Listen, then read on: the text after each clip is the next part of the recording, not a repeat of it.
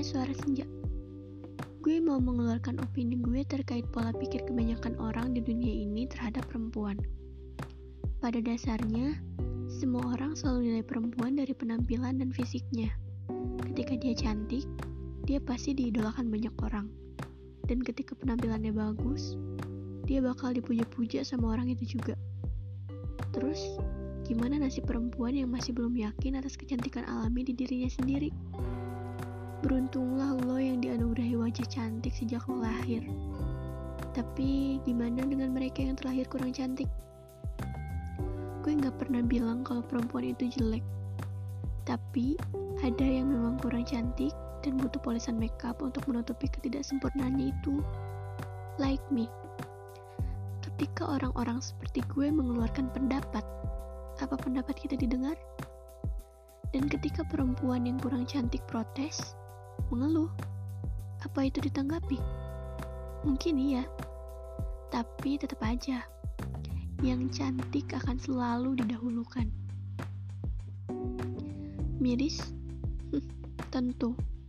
Kadang orang cantik yang bodoh pun justru tetap ditempatkan di posisi tertinggi hanya karena daya tariknya. Kesalahan dia, dosa dia, itu tetap termaafkan selagi dia punya paras yang cantik. Dunia butuh perempuan yang bisa mengemukakan karyanya, menunjukkan kelebihannya, memberitahu bakatnya, bukan hanya sekedar lihai dalam melukis wajah. Ketika perempuan tidak memiliki keahlian apa pun selain berdandan, terus gimana cara dia ngajarin anaknya kelak? Kalau anaknya lelaki, apa dia mau ngajarin anaknya dandan juga? kan gak mungkin. Listen to me guys. Perempuan adalah guru pribadi untuk keturunannya nanti.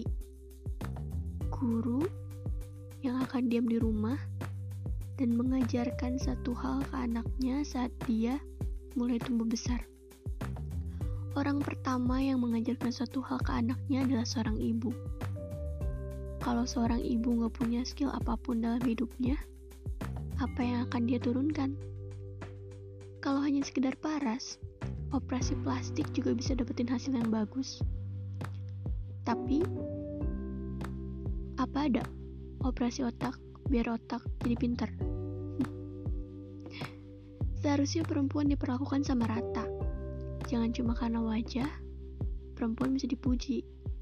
Tapi, dia juga harus punya ilmu, skill, dan attitude yang tinggi. Ya, kan percuma kalau cantik tapi nggak punya bakat apa-apa. Attitude-nya rendah.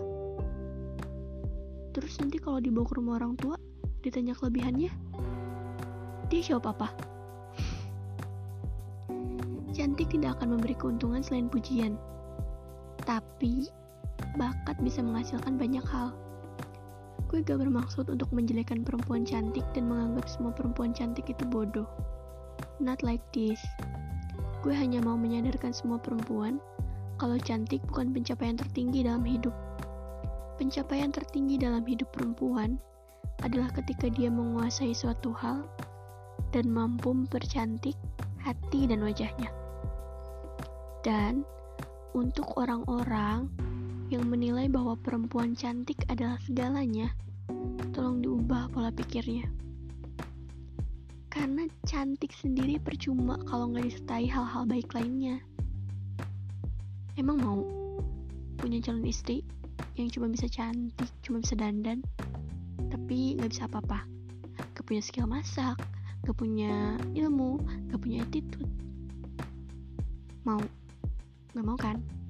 Makanya, kalau menilai perempuan jangan cuma dilihat dari fisik dan penampilan aja, tapi harus diteliti lebih dalam apa kemampuannya, attitude-nya gimana, dan dia itu ahlaknya baik apa enggak.